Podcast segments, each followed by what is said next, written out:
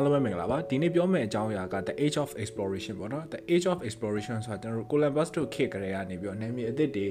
um ရှာဖွေတယ် explore လုပ်တာကနေပြီးတော့ဘယ်လိုဘယ်လိုတွေ explore လုပ်ခဲ့ကြလဲဘာကြောင့် explore လုပ်လဲဆိုတာကိုပြောမှာပါအဲ့တော့1400အကုန်လောက်မှာဆိုရင်ဒီ European တွေက သူတို့ sponsor တွေပေါ့နော် sponsor တွေသူတို့ sponsor ပေးတဲ့လူတွေစီကနေ sponsor တွေယူပြီးတော့သူတို့နေမြေအသစ်တွေကို explore လုပ်ခဲ့ကြပြီဒါကကျွန်တော်တို့ရှေ့ရဟာနဲ့ပြန်ဆက်လို့ရတယ်ဒီ Christopher Columbus ဆိုရင်လည်းအီတလီလူမျိုးသူ့ကိုစပိန်ဘရင်ကနေပြီးတော့ဘယ်လိုပြောမလဲ sponsor ပေးတာပေါ့နော် sponsor ပေးတဲ့အတွက်ရှာခဲ့ပြောရမယ်ဆိုတော့အဲ့လိုအလားတူတခြားနိုင်ငံလူတွေပြီးရင်ဒီ Henry Hudson ကို Dutch လူမျိုးတွေက sponsor ပေးပြီးလွှတ်တာအဲ့လိုဟာမျိုးတွေအများကြီးရှိနေပြီပေါ့နော်။ဒီကမှာတခုကြားဖြတ်ပြီးတော့ပြောချင်တာဒီ Christopher Columbus ကိုဘာလို့ဒီအီတလီကလုပ်ခဲ့လဲဆိုတော့ sponsor ပေးခဲ့လဲဆိုတော့ तू ကအီတလီကို sponsor ပေးဖို့အချိန်ချင်းတောင်းဆိုခဲ့တာ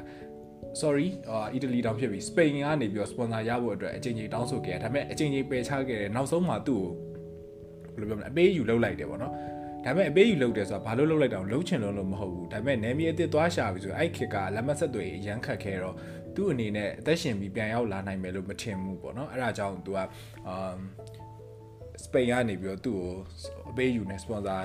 ပေးလိုက်တာဆိုအဲ့တော့အဲ့ဒါဘုသူတအနေနဲ့ချားဖြတ်ပြီးပြောတာပေါ့နော်ဆိုတော့အဲ့ဒီခေတ်မှာအနှစ်ချုပ်ပြောချင်တဲ့အကြောင်းကအဲ့ဒါမဟုတ်ဘူးပေါ့နော်ပြောချင်တာအဲ့ဒီခေတ်မှာအဲ့လိုမျိုး sponsor တွေပေးပြီး name expansion လုပ်တာတွေ trading လုပ်တာတွေအာအများကြီးရှိနေပြီပေါ့နော်ဆိုတော့ဟုတ်ပြီ သူတို့ exploration တွေလုပ်တယ်ပေါ့ဘာလို့ exploration လုပ်တာလဲဆိုတဲ့အချက်တွေကိုပြောပြမယ်ဒီမှာတခုအခုပြောသွားတာအရင်ဆုံးအကြမ်းမြင်ပြောသွားမယ်ပြီးရင်အဲ့ဒါကိုအသေးစိတ်နည်းနည်းချင်းပြောမှာပေါ့နော်ဒါပေမဲ့ဒီဟာတွေကတိတ်ပြီးအရင်အသေးစိတ်တော့ပြောစရာမရှိပါဘူးပထမဆုံးကတော့ trade ပေါ့နော်ရှင်းပါတယ်ဒါကတော့ trading တွေလုပ်တယ်ပေါ့စီးပွားရေးအရာပြီးတော့ conquest လုပ်တယ် expansion လုပ်တယ်ဒါကတော့အားလုံးရှင်းတယ် religious conversion ဒါ ဒါကတော့နည်းနည်းလေးပြောစရာရှိရပေါ့နော်အာ religious conversion ဘာသာရေးပြန်ပွားအောင်လုပ်တယ်လို့ပဲလောလောဆယ်အလွယ်မှတ်ထားလိုက်ပေါ့အောက်မှာနည်းနည်းဆက်ပြီးရှင်းမယ် curiosity ဒါကတော့လူတွေရဲ့စူးစမ်းမှုကြောင့်ဆိုတော့အဲ့ဒါတွေကြောင့်လုပ်တယ်ဆိုတော့ပထမဆုံးပြောမယ်က trade trade ဆိုပြီးတော့အဲ့ခေတ်တုန်းကဒီ Asia Africa ဒီ Americans တွေကပြောရမယ်ဆိုရင် trading တွေပေါ့နော်အဲ့အဲ့ data မှာ Columbus ဆိုရင်လည်းရှေ့မှာတည်တဲ့အတိုင်းပဲဒီအိန္ဒိယက ဒီဟင်ကအမွေကြိုင်ကိုယူခြင်းလို့ဆိုတော့အဲ့လိုမျိုးတွေပြီးတော့အဲ့ခေတ်မှာ trading တွေအရင်လုပ်ကြတယ်အာဒီ sun တွေ coffee တွေတကြားတွေအကုန်အစုံပေါ့နော်အဲ့လိုဟာတွေတော့လုပ်ကြတယ်ပြီးတော့နောက်တစ်ခုက trading ကပစ္စည်းတွေတုန်းနဲ့ trading လုပ်တာမဟုတ် slave ပေါ့နော်အာ John တွေကိုလည်းအဲ့ခေတ်က trading လုပ်နေပြီအထူးသဖြင့် West Africa ပေါ့နော် West Africa ဆိုရင်အထူးသဖြင့်ကျွန်းနေအဓိကလာတဲ့နေရာပေါ့ဆိုတော့ ဒီ trading နဲ့အဲ့တော့ colony ဟိုဒီ exploration လုပ်တာဘယ်လိုပတ်သက်လဲဆိုတော့သူဒီဒီနေရာကိုသိမ်းပိုက်လိုက်တယ် exploration လုပ်လိုက်တယ်ဆိုရင်အဲ့ဒီ data မှာရှိတဲ့လူတွေကိုကြွန်ဖြစ်သတ်မှတ်လိုက်လို့ရတယ်ဗျာဒီလားဟိုနယ်မြေသိမ်းလိုက်ပြီဆိုတာနဲ့ဟိုကြွန်နေရလိုက်တဲ့သဘောပဲအဲ့လိုပဲအဲဒါကြောင့် West Africa ကိုသိမ်းပြီးတော့じゃ West Africa အဓိကအဖြစ် source of slave labor ပေါ့နော်အာ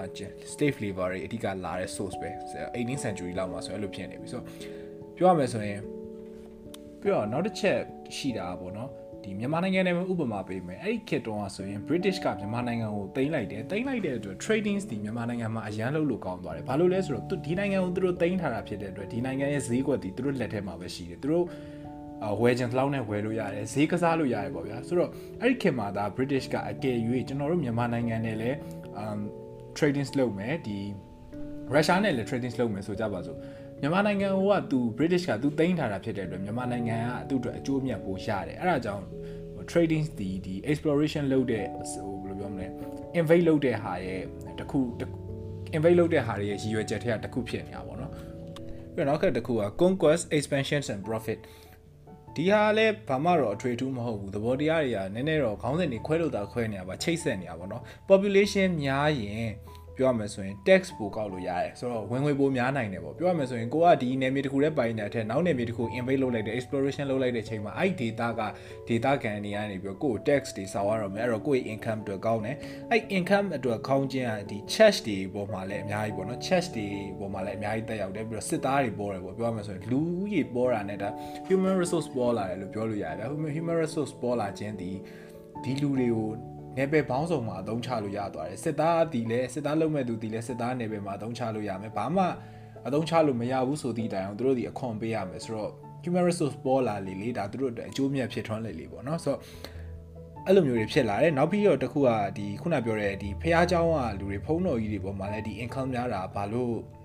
ဘာလို့အကျိုးများလဲဆိုတော့သူတို့ဒီဟိုဘယ်လိုပြောမလဲဖုံးတော်ကြီးတွေじゃချမ်းသာတယ်လို့တော့ပြောလို့အဆင်မပြေဘူးပေါ့နော်သူတို့ ရန်ကုန်ဝင်တောင်းတယ်ပေါ့ရန်ကုန်ဝင်တောင်းရင် လိုအပ်တာတွေလုပ်ပေးနိုင်တယ်ပေါ့အဲ့လိုအဲ့လိုလိုပဲနားလေတယ်ဆိုတော့ဒါကဒီ conquest expansion and profit ထဲမှာသာပါနေတာအခုအောက်မှာဆက်ပြောမယ် religious conversion နဲ့လည်းနည်းနည်းတော့သက်ဆိုင်နေဆိုတော့နောက်ထပ်ဒီနေမြေချဲ့ထွင်ရခြင်းရဲ့နောက်ထပ်ရည်ရွယ်ချက်တစ်ခုပေါ့နော် purpose တစ်ခုက religious conversion religious conversion သူတို့အဲ့တုန်းကဒီအဲ့ဘက် data တွေမှာ Christian က အဓိကအဖြစ် main အနေနဲ့ပြောလို့ရတယ်ဗောနော်ခေတ်စားတယ်ဆိုတော့သူတို့ Christian တွေကယုံကြည်တာဒီကောင်းတာလုပ်ရင်ဖခင်ကသူတို့ဘယ်လိုပြောမလဲကောင်းတာချီချီးမွမ်းမယ်ဗောအဲ့လိုယုံကြည်တယ်ဆိုတော့သူတို့နောက်တစ်ခုယုံကြည်တာတစ်ခုကဒီ Christian တွေကဒီ non Christian Christian တွေကိုသူတို့သူတို့ဘာသာကိုပြန်ပွားအောင်လုပ်ရင်သူတို့ဘယ်လိုပြောမလဲသူတို့ရဲ့ duty က ခရိယန်ကိုပြန်ပွားအောင်လုပ်ရမယ်ဆိုပြီးတော့သူတို့ကရှုံထားတာအဲ့ဒီအတွက်ဟိုနေမြေတွေသိမ်းလိုက်ပြီးဆိုရင်ဒါဘယ်လိုပဲဖြစ်ဖြစ်ဘာသာရေးမှာလည်းအနေနဲ့အများတက်ရောက်မှုရှိတယ်ဗျာဆိုတော့အဲ့ဒါကြောင့်သိမ်းတယ်ပြီးတော့နောက်တစ်ခုက curiosity နောက်ဆုံးတစ်ခုက curiosity ဒါကတော့ဘာမှကိုပြောနေကြမလို့ပါဘူးလူဆိုတာစူးစမ်းတတ်တဲ့အမျိုးလူရမမဟုတ်ဘူးဗျ ဘယ်သူမဆိုတက်ရှိတဲ့တော့မှလည်းများစူးစမ်းတတ်တယ်ဥမာတော့ခွေးပဲဖြစ်ဖြစ်စူးစမ်းတတ်တာပဲဗျာဟိုသူတို့ကသူတို့ဒါဒီ curiosity ဆိုတာဒါမသိရင်ရှိမယ်သိရမလားဟိုခွေးလူရှိရှိတဲ့မြတ်တော်တွေအကုန်လုံးဒီတက်ရှိမှမှန်ရင်စူးစမ်းတတ်တယ်ဆိုတော့စူးဒီလူညံရင်မြင့်တဲ့ဒီတော်တွေမှာတော့ပို့ပြီးတော့တည်တာအောင်เนาะလူတွေဆိုရင်ညံရင်မြင့်တဲ့အတွက်စူးစမ်းရာကနေဒီဘက်ခေတ်ဆိုအရန်တိုးတက်တဲ့ခေတ်ကိုရောက်နေပြီဆိုတော့ yes ဆိုတော့စူးစမ်းတာကနေတဆင်သူတို့ဒီနေမြေအသစ်တွေကိုရှာဖွေတဲ့အဓိက ရှိရွယ်ချက်အကြောင်းပြချက်တစ်ခုပဲဆိုတော့အဲ့ဒါကတော့ the age of exploration ပေါ့နော်ခေါင်းစဉ်ကဒါပါပဲနောက်တစ်ခုဆက်ပြောမှာ building empires ဆိုတော့လူတွေကဒီနေမြေသစ်တွေကိုချဲ့ထွင်ပြီးပြီဆိုရင်ချဲ့ထွင်ုံနဲ့မပြီးဘူး emperor တွေတိစောက်ကြတယ်ပေါ့နော်ဒီလိုမျိုးပြ civilization တွေလောက်ကြတယ်လောက်တဲ့ချိန်မှာဘလိုနီးနဲ့သူတို့ဒီ emperors တွေကို build လုပ်လဲပေါ့ဆိုတော့နှစ်နီးသုံးနီး နှစ်နီးသုံးနီးမကောက်ဘူးဗျအများကြီးရှိတယ်ဟိုလိုမျိုးဘယ်နှစ်နီးရှိတယ်ရေလို့ရဲလို့လဲပုံသေးပြောလို့တော့မရဘူးပြောရမယ်ဆိုရင်ပထမတစ်ခုကတော့စစ်တိုက်တယ်ပေါ့ဗျာပြောရမယ်ဆိုရင်တော့အကြမ်းဖက်တယ်လို့ပဲပြောမလားစစ်နဲ့သွားတိုက်တယ်နိုင်ရင်အဲ့နေမျိုးကိုရသွားတယ်ဒါမျိုးလောက်တာရှိတယ်နောက်တစ်ခုကပတ်စံနဲ့ပေးဝယ်တာမျိုးရှိတယ်ဆိုတော့အမေရိကလူဝစီယာနာကိုဝယ်လိုက်တာမျိုးအဲအဲ့လိုမျိုးအမေရိကန်လူဝစီယာနာကိုဝယ်လိုက်တဲ့ဥပမာမျိုးပေါ့နော်ပတ်စံနဲ့ပေးဝယ်ရရှိတယ်နောက်တစ်ခုကကျတော့ကိုကအင်အားကြီးအောင်လှုပ်ပြီးတော့ဒီအနီးနားဟာတွေကိုကိုယ့်ရဲ့လက်အောက်ခံဖြစ်သွားအောင် လုပ်တဲ့ဟာပေါ့နော်ပြောရမယ်ဆိုရင်တော့သွားတိုက်တာတော့မဟုတ်ဘူးဘယ်လိုပြောမလဲတစ်ဖက်လှည့်နဲ့အနုနီးနဲ့သိမ်းတဲ့သဘောမျိုးပါပဲပြောရမယ်ဆိုတော့ခုနလိုမျိုး trading slow တဲ့ economics အရာဒီသိမ်းတာမျိုးပေါ့နော်သိမ်းတယ်ဆိုတော့ဟိုလိုမျိုးကြီးဟိုစစ်နဲ့သွားတိုက်ပြီးတော့ invade လုပ်လိုက်တာမျိုးပတ်စံနဲ့ရော့ in ဆိုပြီးချက်ချင်းလိုက်ငင်ပေးဝယ်လိုက်တာမျိုးတော့မဟုတ်ဘူးဒါပေမဲ့ဒါတွေတီလဲ emperor သူတို့ချဲ့ထွင်တဲ့နီးတွေပဲအဲ့တော့အဲ့ခင်မှာဘသူတွေကဘလူတွေနေမြေတွေချဲ့ထွင်ထားလဲ emperors တွေစောက်တာဒီထောင်ထားလဲဆိုတော့ပြောပြမယ်ပေါ့နော်ဆိုတော့ ပြောမယ်ဆိုရင်တော့ဒီ European power ဆိုတာဒီ Western ဘက်က European တွေကအဲ့ဒီခင်မှာတော်တော်လေးကိုပဲဘယ်လိုပြောမလဲ colonize လုပ်နိုင်တယ်ပေါ့နော်။ပြောမယ်ဆိုရင် Africa ကြီးတစ်ခုလုံးပေါ့နော်။ Ethiopia နဲ့ Libya လွဲလို့ကျန်တဲ့ဒီ Africa ကြီးတစ်ခုလုံးကိုလည်းသူတို့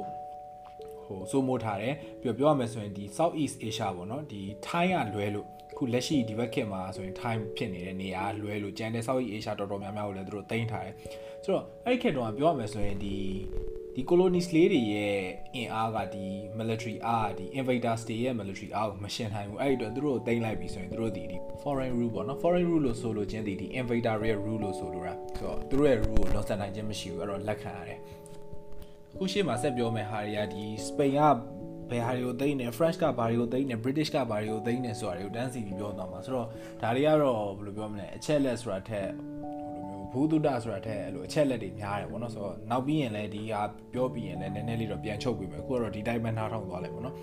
စပိန်ကအဲ့ခင်မှာဆိုရင်မက္ကဆီကိုစင်ထရယ်အမေရိကပြောရမယ်ဆိုရင်ဒီ South America ပေါ့နော်ဘရာဇီးကလွယ်လို့ South America တော်တော်များများပြီးတော့ Asia မှာဆိုရင်လည်း Philippines အကုန်လုံးကိုတင်ထားသူတို့သူတိမ့်တဲ့နေမြေရဲ့ total ကဒီ American ကြီးတစ်ခုလုံးရဲ့ဒီ1 third area လောက်တောင်ရှိနေပြီပေါ့နော်ပြီးတော့ Portuguese ဆိုရင်လည်း Brazil Angola Mozambique နာမ ည်ရနည်းနည်းမှားမယ်ထင်တယ် Mosaic MBIQ ပြီးတော့အာ Benibus အဲ့လိုထွက်လာမသိဘူးထားပါတော့เนาะပြီးတော့ Africa ပြီးတော့ Mecca အဲ့ဒီအာရှမှာရှိတယ်အဲ့ဒါတွေကိုလည်းသူတို့တင်ထားလိုက်တယ်ဟို colonize လုပ်နိုင်တယ်ပေါ့ French တွေဆိုရင်လည်းဒီ Vietnam ပြီးတော့ North နဲ့ West Africa တော်တော်များများပြီးတော့ Canada Great Lakes region ပြီးတော့ Louisiana အစအဲ့ Louisiana ကဒီ American ကဒီ Vietnam စီကနေပြီးတော့ဝယ်လိုက်တဲ့သဘောမျိုးเนาะအစစကျန် Louisiana ကဒီ Vietnam ကပိုင်တာအမ်ပြီးတော့ United States ကဝယ်လိုက်တယ်ပေါ့เนาะဆိုတော့ France ကလည်းအဲ့ဒါတွေကိုသူတို့တင်ထားတယ်ပြီးတော့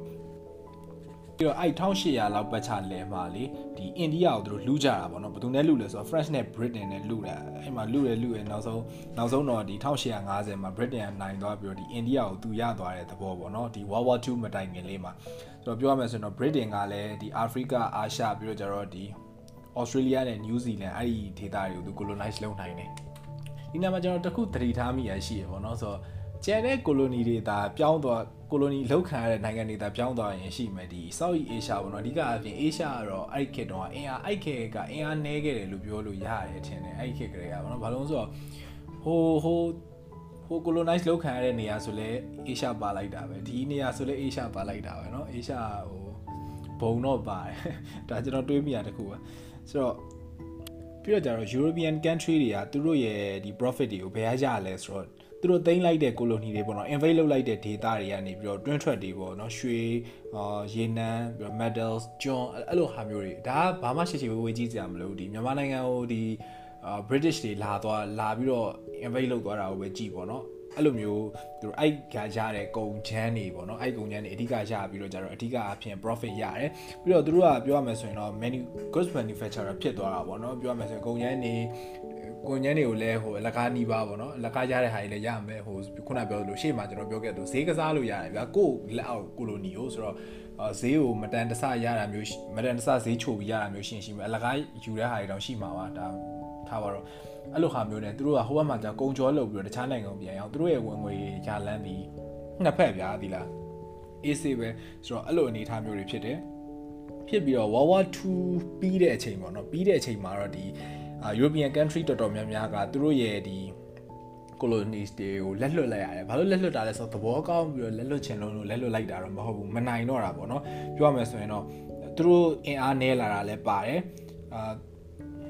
ဒီနယ်မြေတွေကိုသူတို့ကြာကြာဆက်မထိန်ထားနိုင်တော့တာတကြောင်နောက်တစ်ကြောင်ကကြတော့ဒီအာသူတို့ရဲ့လက်အောက်ခံ colony တွေကလည်းအသိပညာ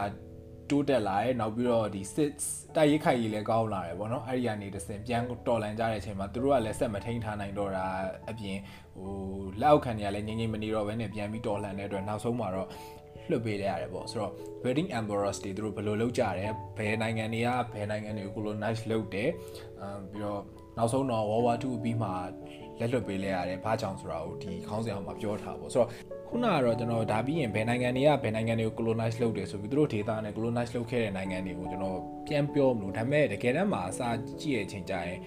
အဲ့လိုမျိုးတကယ်တမ်းနိုင်ငံနေနဲ့မှတ်ရမယ်ဆိုရင် podcast အနေနဲ့အဆင်မပြေဘူး podcast နားထောင်ပြီးတော့မှတ်ဖို့ကဘယ်လိုမှမလွယ်ဘူးဟို podcast ဒီဘာအတွက်ကောင်းလဲဆိုကျွန်တော်အမြင်တော့ဘူးတုတအတွက်ပြောရင် general idea အတွက်ပေါ့နော်ဘယ်လိုပြောမလဲ brief အတွက်ဟို ဒီစာပိုက်တစ်ပိုက်ကိုကိုယ့်အကိုကြီးဖတ်နေရတဲ့ podcast နားထောင်လိုက်ချက်ချင်းရှင်းသွားမယ်ပြီးတော့ချက်ချင်းပြန်ပြီး recap ဖြစ်သွားမယ်ဆိုတာမျိုးအတွက်ပဲကောင်းတယ်အဲ့လိုမျိုးဘယ်နိုင်ငံကတော့ဘယ်နိုင်ငံတွေကိုသိမ်းခဲ့အဲ့လို list တွေပုံစံမျိုးနဲ့မှတ်ရတော့မယ်ဆိုရင်ကျတော့ podcast ကအဆင်မပြေဘူးစာအုပ်ကြည့်လိုက်ရတာပုံမြန်တယ်ဆိုတော့ထပ်မပြောတော့ဘူးဆိုတော့ဒီနေ့ပြောရတဲ့ခေါင်းစဉ်ကတော့နည်းပါတယ်ခေါင်းစဉ်ကနှစ်ခုပဲ The Age of Exploration and Building Emperors ဆိုတော့နားထောင်ပြီလို့ကျေးဇူးအများကြီးတင်ပါတယ်